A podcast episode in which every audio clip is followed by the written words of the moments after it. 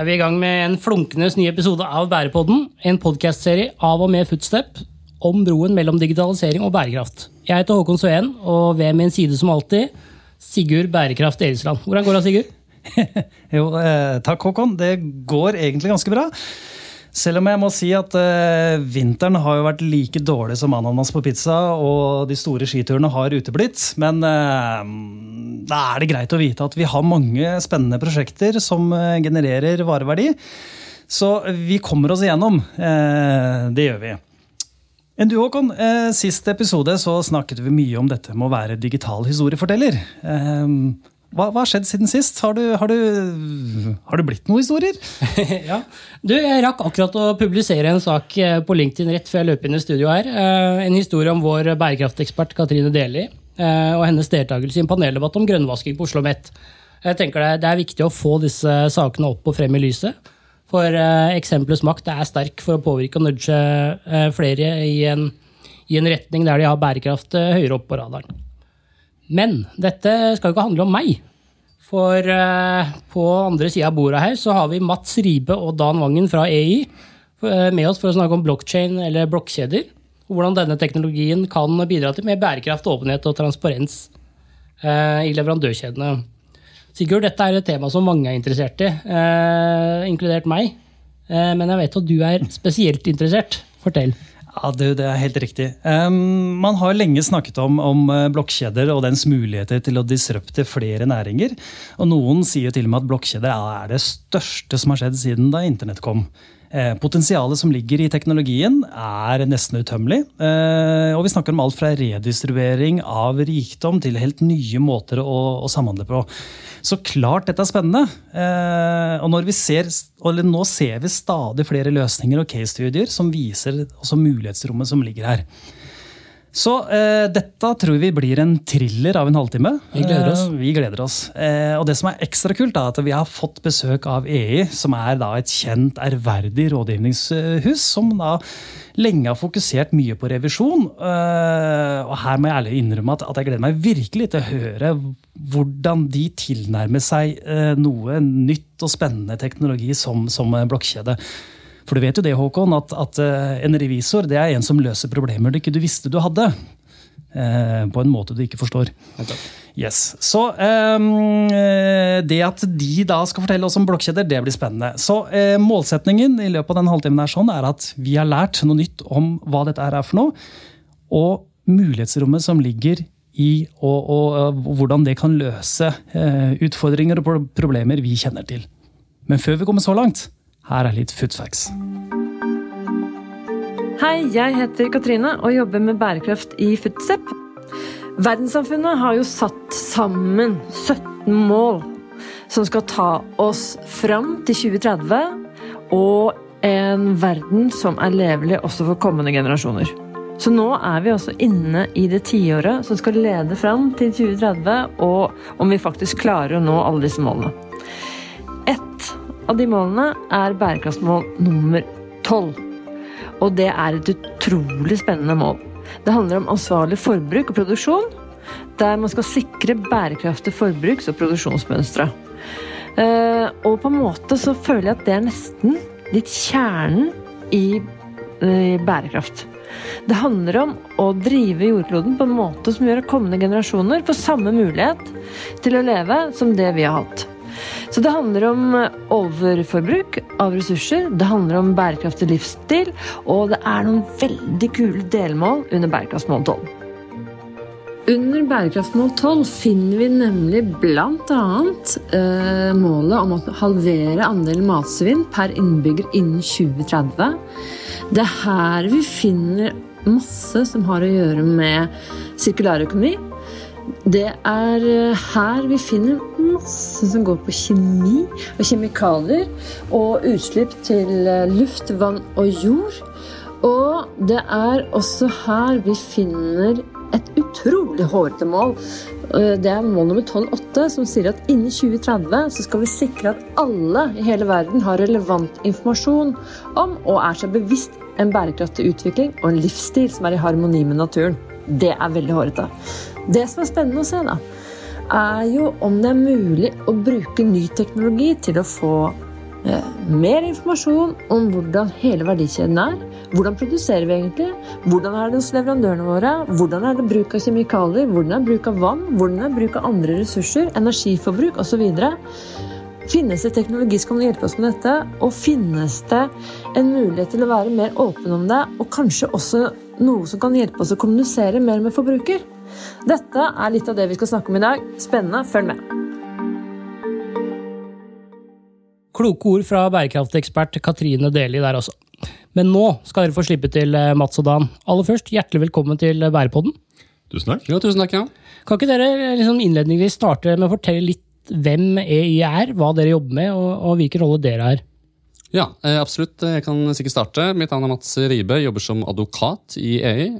Vi er jo, som, som du sa, Sigurd, et, et tradisjonelt revisjonshus, men etter hvert blitt et globalt kompetansehus som egentlig bistår innenfor en veldig lang rekke type tjenester. Så I tillegg til på revisjonsbiten så har man også et eget bærekraftsteam, der altså Dan kommer inn, og jeg jobber i advokatbiten.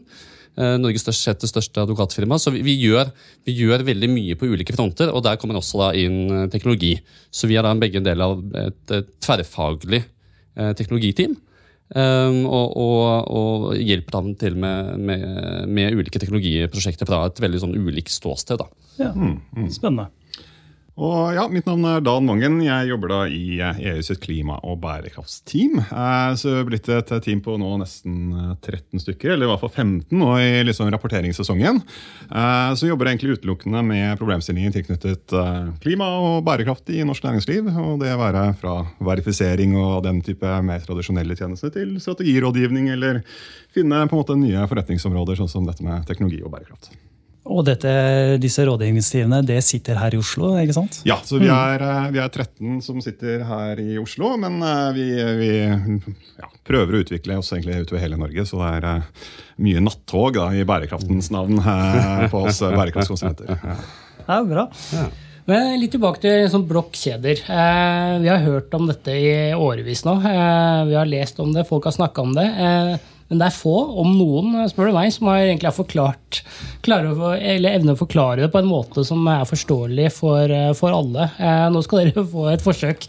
Eh, hva er teskje-varianten? Hva er blokkjeder? Jo, eh, Det er nesten blitt et litt sånn myteomspennet ord, som du sier. ikke sant? Blokkjede, blockchain. Man hører om disse ulike prosjektene rundt om. Og det er klart, teknologien i seg selv er forholdsvis komplisert. Vi, vi sitter jo med et team som har veldig ulike innfall, innfallsvinkler inn i dette. Så en ting er at Vi har liksom 14 globale blockchain-huber som er veldig sånn core blockchain-utviklere. Men så kommer vi inn i kanskje mer sånn norske perspektivet og sier ok, la oss gjennomføre et prosjekt der vi ser på muligheten til det. Fordi Det er litt som utvikling av internett. Det er ikke alltid du behøver forstå akkurat det tekniske i, i, det hele, men du må forstå applikasjonsområdet. Da. Men kort fortalt så kan man si at blokkjede er et desentralisert nettverk. der Istedenfor at man hver enkelt selskap eller person sitter med sin egen private databasestruktur, så har du et nettverk der all informasjon lagres som et kopisett hos alle i nettverkets medlemmer samtidig. Og Det skaper en del eh, effektivitetsgevinster, eh, men det skaper også en, en, mulighet til å skape tillit da, mellom uavhengige tredjeparter som ikke nødvendigvis stoler på hverandre, som ikke nødvendigvis samhandler med hverandre, fordi alle har tilgang til kan du si, det samme eh, informasjonsflyten. Og du kan overføre verdier eh, mellom hverandre uten en sentral eh, part. Ja, og Det er jo her på en måte den bærekraftselementet eh, kommer inn. for Når vi snakker om bærekraft, så er det ofte et verdikjedeperspektiv som legges til grunn. Så Det er ikke alltid kun hva er det du som selskap eller du som enkeltperson direkte har av utslipp eller påvirkning. Eh, det er hva du, på en måte hele verdikjeden, det produktet eller den tjenesten du leverer, som det er en del av.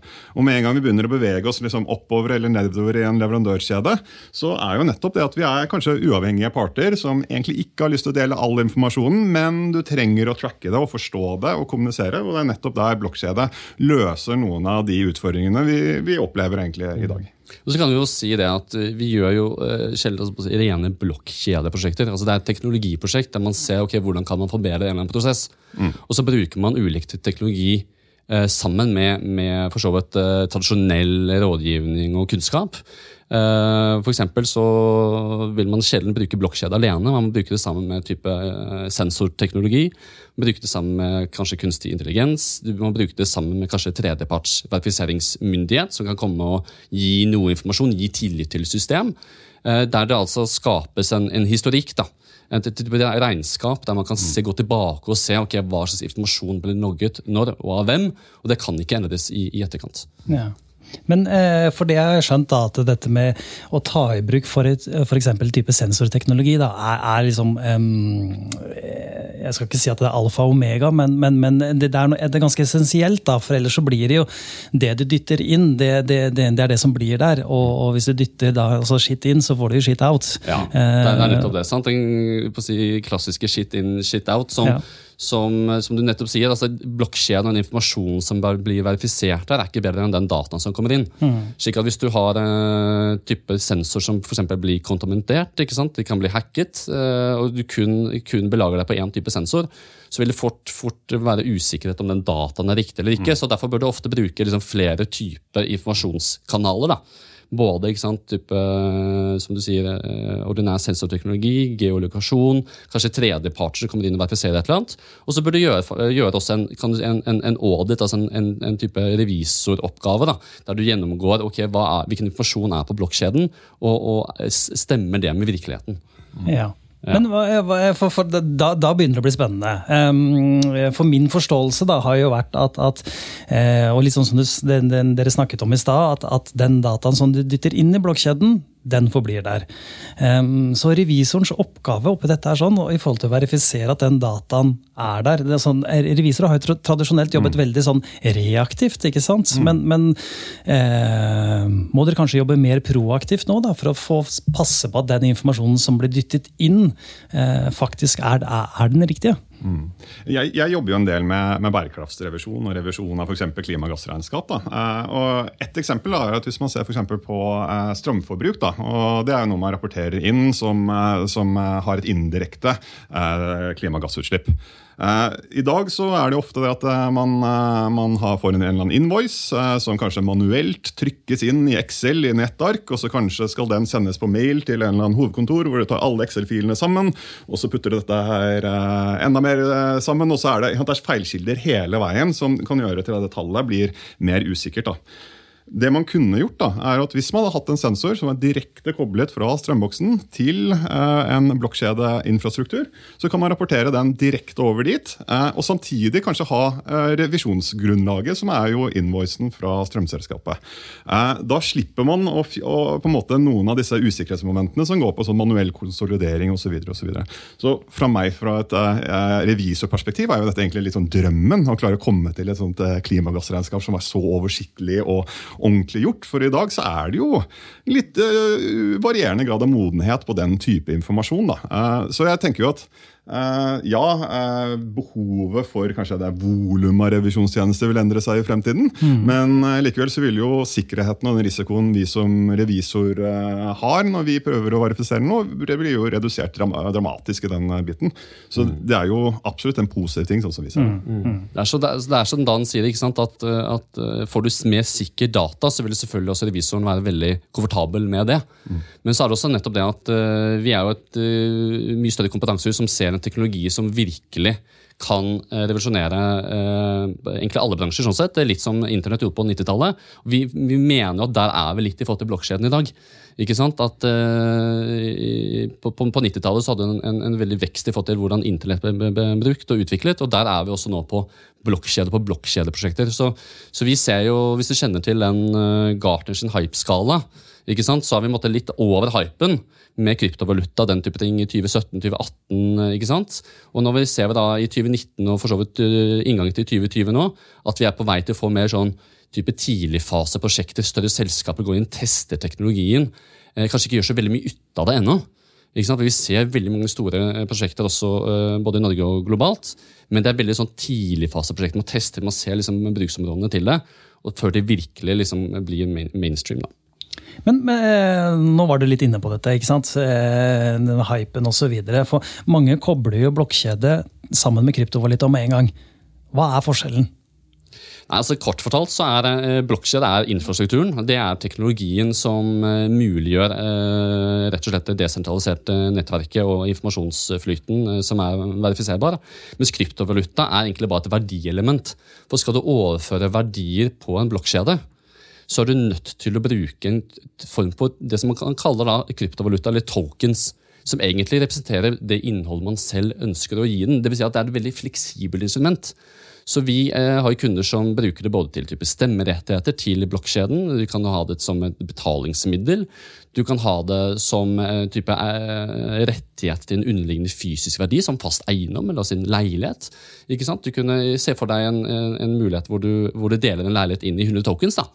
Så istedenfor at du eier, liksom, eier du 100% eller ikke, så kan du rett og slett bare eh, få den finansiert ved at du eier kanskje en én token, som gir deg rett til en hundredel av inntekten som den eh, eiendommen genererer. Da, og da gjør du til et annet fleksibelt både finansielt instrument, men også et, et fleksibelt instrument som du kan legge flere typer rettigheter inn i dette. da. Og det skaper selvfølgelig masse utfordringer finansregulatorisk, mm. juridisk. Og her har vi et spillerom da, som en del selskaper tester litt ut. Eh, og vi kommer inn og, og forsøker å anvende da, eksisterende lovgivning. For vi har ikke noe særlig eh, si, fokusert lovgivning på dette. Eh, vi har fått noe på, på, på hvitvaskingsbiten. Mm. Men ikke sant? Og da har du et type gråsonespillerom. Der det, kanskje eksisterende teknologi ikke, uh, unnskyld, eksisterende lovgivning ikke alltid passer på, på, på ny teknologi. da. Men, uh, men, der er det mye spillerom, og der ser vi også en veldig kjapp utvikling i teknologien ikke sant? Som, som gjør at man må også være varsom når man skal implementere ny lovgivning. da. Mm. Og så skal vi gå denne, over denne broa til eh, det grønne skiftet. Eh, hva er potensialet her? Det er, eh, det er, litt avhengig egentlig av, eh, av, eh, industri til industri og verdikjede til verdikjede, vil jeg si. Det er jo Noen ganger så, så, er det enkle verdikjeder hvor det er forholdsvis enkelt å kunne på en måte bruke tradisjonelle måter å kvantifisere ting på. Og det er noen verdikjeder og noen systemer man har mer tiltro til. Og så er det andre områder hvor verdikjedene er ganske komplekse. Mange ledd. Påvirkning på miljø og samfunn kan variere i veldig stor bredde. Uh, og, eh, og, eh, og, det er der jeg tror man kanskje finner de, de, de automatisk største fordelene. Og kanskje der vi ser liksom de early movers som, som, som begynner å, å, se på dette. Eh, for så har jo klesbransjen vært eh, et av de eksemplene vi har jobbet med. Eh, og i klesindustrien så ser vi jo en, et helt nettverk av underleverandører. Som kan jo både være 5 og 10 og 15 og 20 og sikkert 100 ledd. Med fra du kommer helt fra bomullen til, til et ferdig produkt. Og det er nettopp det at vi har jo sett på en måte samfunnet ha en utfordring, et problem som man ønsker å løse. da. Hvis du har liksom fulgt litt med på industrien de siste årene, så har jo eh, vært mye kampanje på dette her med å legge ut fabrikklistene dine. Ja, Alle må legge ut fabrikklistene sine. Og så var det liksom noen som gjorde det, og så ble noen outa ut som de var dårlige for de ikke gjorde det. Og så til slutt så ser du nå Hennes og Maurits og alle sammen kommer ut med fabrikklistene sine. Så går jeg da som en vanlig forbruker inn og ser på fabrikklistene. Ok, Her ligger det 500, 600, 700 fabrikker med noen ratinger på noe internscore.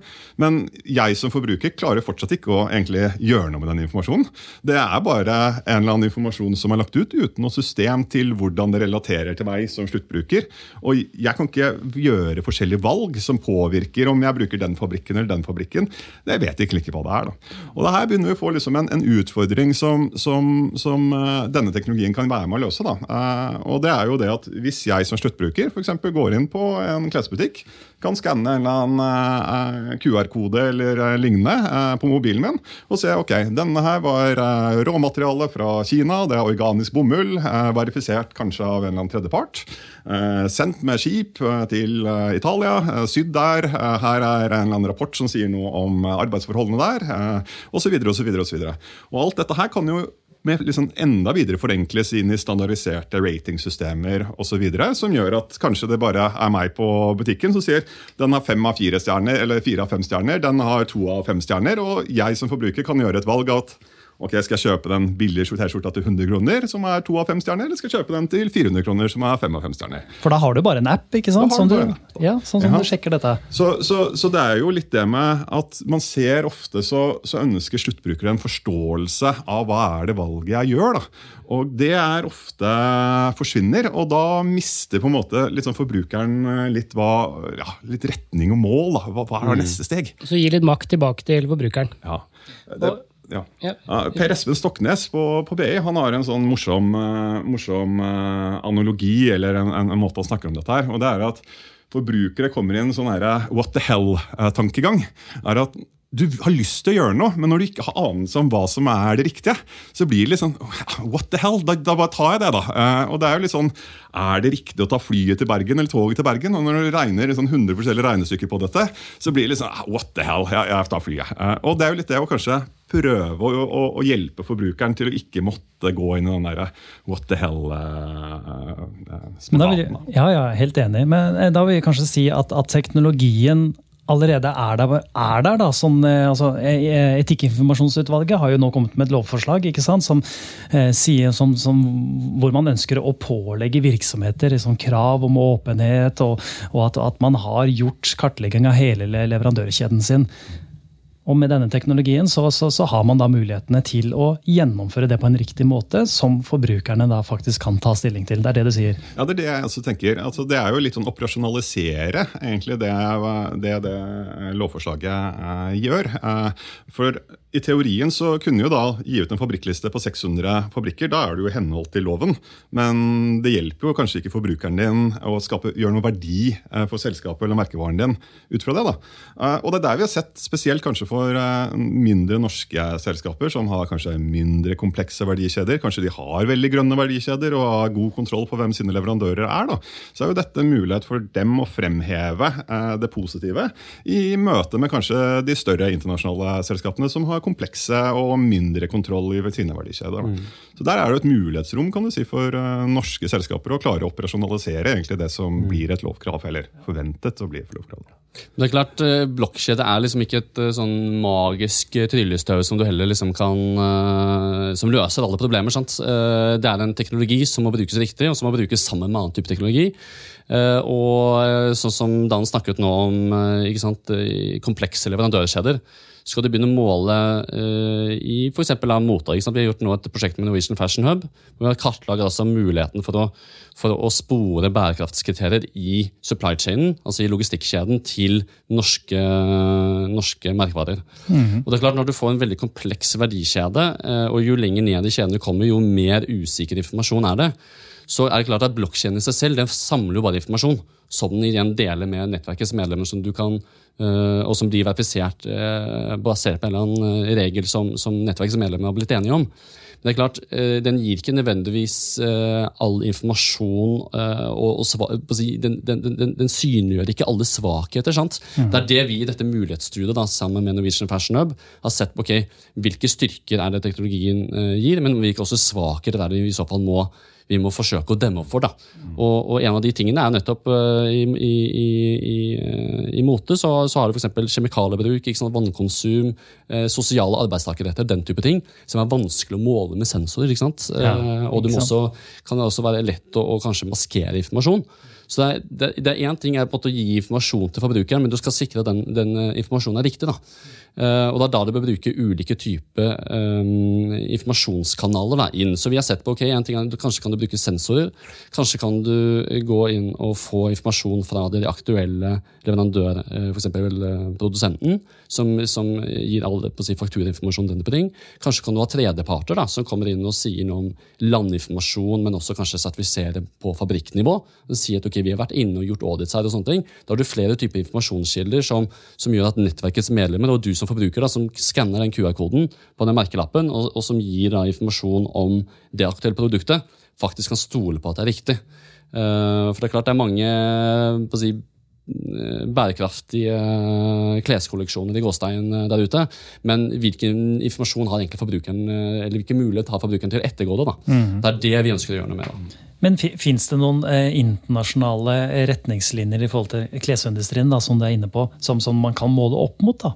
Eh, eller er liksom dette litt mer sånn norsk fenomen? at man, man, eh, Hva er bærekraftig, og hva er ikke bærekraftig? Mm. Det er, jo, det er, jo, også en bransje som er veldig i utvikling. dette her. Det finnes rammeverk for for å sertifisere ulike typer materialer eller fabrikker eller lignende. Eh, så er det mye diskusjon om det er gode nok, de, og gir de den faktiske informasjonen man, man trenger osv. Men, men her er det eh, her, her, skjer utviklingen såpass fort at jeg, eh, at, at jeg tror du vil finne heller større problemer med å innhente informasjonen enn at du kanskje klarer å finne hvilket rammeverk du skal bruke uke. Eh, akkurat sånn som det ser ut nå. Da. Eh, det er selvfølgelig en utfordring som må løses, men, eh, men, men jeg tror den største utfordringen er å, å, klare å faktisk finne ut, hvis du kjøper noe fra en trader, da, hvor, hvor, kommer dette fra inn til en trader? Vil de dele informasjon om sine underleverandører? Det er mye mer sånne type ting som jeg tror er kanskje de største kjeppene. sånn som det er. Mm. Ja. Da er det noen ting som er veldig enkelt å gjøre noe med. ikke sant? Det er type geolokasjon og sånne ting. og tracke liksom, ok, Hvilken lokasjon er dette fra? Det er jo ganske enkelt. Det finnes jo masse løsninger på dag. ikke sant? Det gjør man med kylling, og man gjør det med citroner, man gjør det med vin. ikke sant? Mm. Eh, det er masse sånne blokkjedeprosjekter som, som, kun gjelder track and trace. Så utfordringen her blir jo liksom koble på det med bærekraftskriteriene. ikke sant? Mm. Uh, og det er det vi, vi, ønsker å gjøre noe med i, de, i dette konkrete prosjektet. da. Ja. Men, men eh, for nå, det, nå, snakker du om det, sånne konkrete prosjekter. Ja. Eh, men hvis det er noen av, av lytterne da, som lurer liksom på eh, blokkjede, hva, hva, er det for noe? Hvordan kan jeg se det? Eh, Fins det noen sånn konkrete eh, eksempler de kan gå inn på? Så si at ja, Bak dette her sånn, så ligger det blokkjedeteknologi. liksom. Konkrete eksempler på prosjekter? Ja, ja. Eh, absolutt. Eh, det er gjennomført uh, veldig mange konkrete blokkjedeprosjekter. Altså EI har over 300 globalt, uh, bl.a. verdens første blokkjedeverifiserte vin. Det var da ja. altså en vinbonde i Italia ikke sant, så sa han var keen på å få da, verdens første blokkjedeverifiserte vin. Så da geofenset man hele hans vingård. Eh, slik at man, man fikk eh, på si sensorer i, i, eh, i innsamlings-, altså høstingsboksene. Slik at når man plukket disse druene, så vet, kan man som forbruker da, se når de ble plukket, når druene ble plukket, hvilket, sant, hvilken vinrank det ble plukket fra, eh, temperaturnivå hele veien, hvor lenge de er lagret. Så hvis du har skikkelig vinnerd, så kan du da skanne en QR-kode på flasken, så får du all informasjon om den aktuelle vinen. Eh, og selvfølgelig For den bonden så er det også et markedsføringselement. fordi Han eh, tar imot gjester sant, på gården og, og, kan bruke dette i sin markedsføring. Mm. Men da også har du sikkerhet på uh, at den vinen faktisk uh, kommer fra der den gjør. Og dersom det skjer noe skade under meg, så er det også selvfølgelig mye lettere å gi dokumentasjon om, om den skaden. Mm. Mm. Hvor langt unna er vi at blockchain blir mainstream? At vi kan uh, se det her på alle varer, ikke bare vin? Ja, det er et veldig vanskelig spørsmål. Eh, men det vi ser, er at teknologien går veldig for kjapt. Eh, vi snakker litt om sammenligningen med internett. ikke sant? Eh, internett brukte jo ganske lang tid før det ble ordentlig mainstream. Og det samme ser vi nå med, med, med blokkjede. At det tar noe tid før det blir ordentlig mainstream. Men samtidig så går det veldig kjapt. Det er masse prosjekter som gjennomføres. Og vi ser allerede at det begynner å bli faktisk litt mainstream enkelte steder, enkelte industrier. Og særlig kanskje innenfor supply chain og logistikk. Mm. Um, må, må, jeg, må, jeg, må, også spørre litt om eh, utfordringer også. Um, når man snakker om blokkjeder, og, og, gjerne også opp mot kryptovaluta, så, så, så, så det, ser man også at dette er enormt energikrevende. Um, og, og, for en teknologi som skal være med på å bidra til det grønne skiftet, så er det jo kanskje en, en paradoks da, at, at, at, denne teknologien i seg selv krever mye energi. Um, kan dere fortelle litt om dette? Ja, altså Det er absolutt et eh, betimelig eh, spørsmål. Eh, jeg måtte sjekke litt i, i går før vi skulle gjøre denne podkasten på nettopp strømkonsum til disse ulike blokkjedene. For det er jo særlig bitcoin. blokkjeden da, som kom i 2009, som har vært gjenstand for mye kritikk. Fordi de har en veldig komplisert måte å få verifisert de dataene på. Få verifisert transaksjonene på. og Det fører til at det krever enormt mye strøm for den aktuelle blokkjeden. Eh, jeg leste noe sånt som at eh, altså bitcoin-blokkjeden representerer kunne, ville vært nummer 37 av alle land i verden hva gjelder strømforbruk. Hvis det var et land. Såpass, ja. Så har du en annen, annen blokkjede som heter Ethereum, som er en, en du kan si mye mer praktisk protokoll, eh, som handler om, som er egentlig infrastruktur til alle selskap kan bygge sine virksomheter oppå. Eh, og så har du den eksisterende blokkjede infrastruktur og bruke teknologien til f.eks. Eh, smarte kontrakter, eh, effektiv, effektiv samhandel mellom partene eh, og, og overføre verdier. Og den er mye mindre energikrevende. Den ville vært noe sånn som 106, da, på samme nivå som Luxembourg. Så det er fortsatt veldig krevende. ja. Hvis du ser på internett i dag også, Internett representerer 10% av verdens totale strømforbruk. Mm. Eh, sant? Eh, som er mye høyere eh, enn en, i hvert fall Ethereum-protokollen. ikke sant?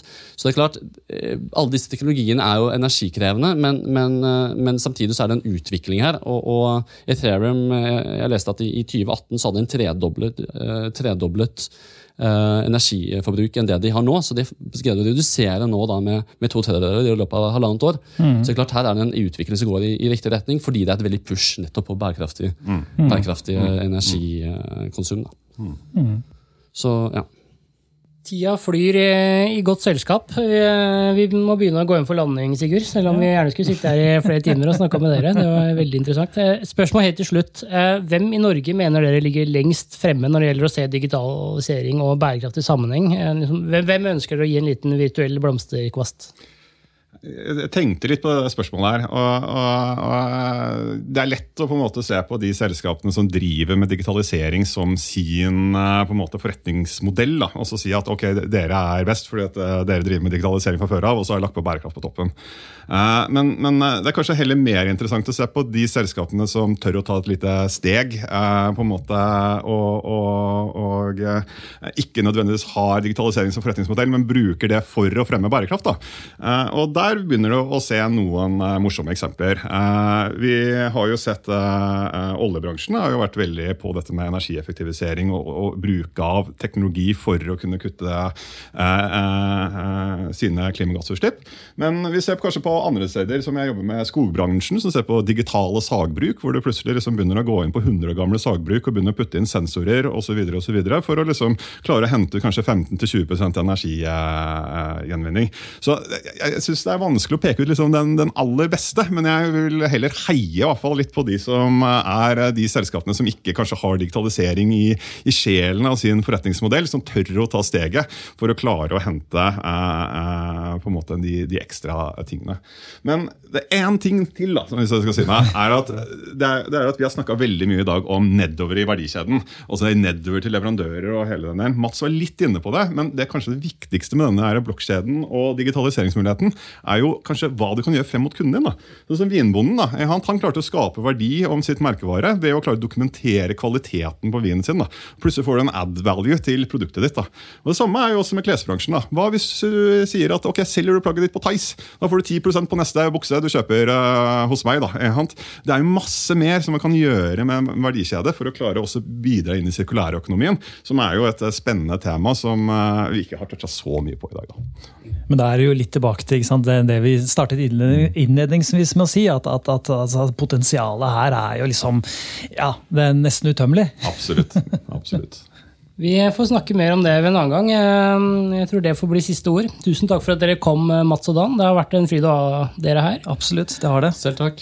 Selv takk. Bærekraften, eh, bærekraften, ja. Bærepodden kommer snart tilbake med nye episoder og nye spennende gjester. Tusen takk for at du hørte på. Ha en nydelig dag videre.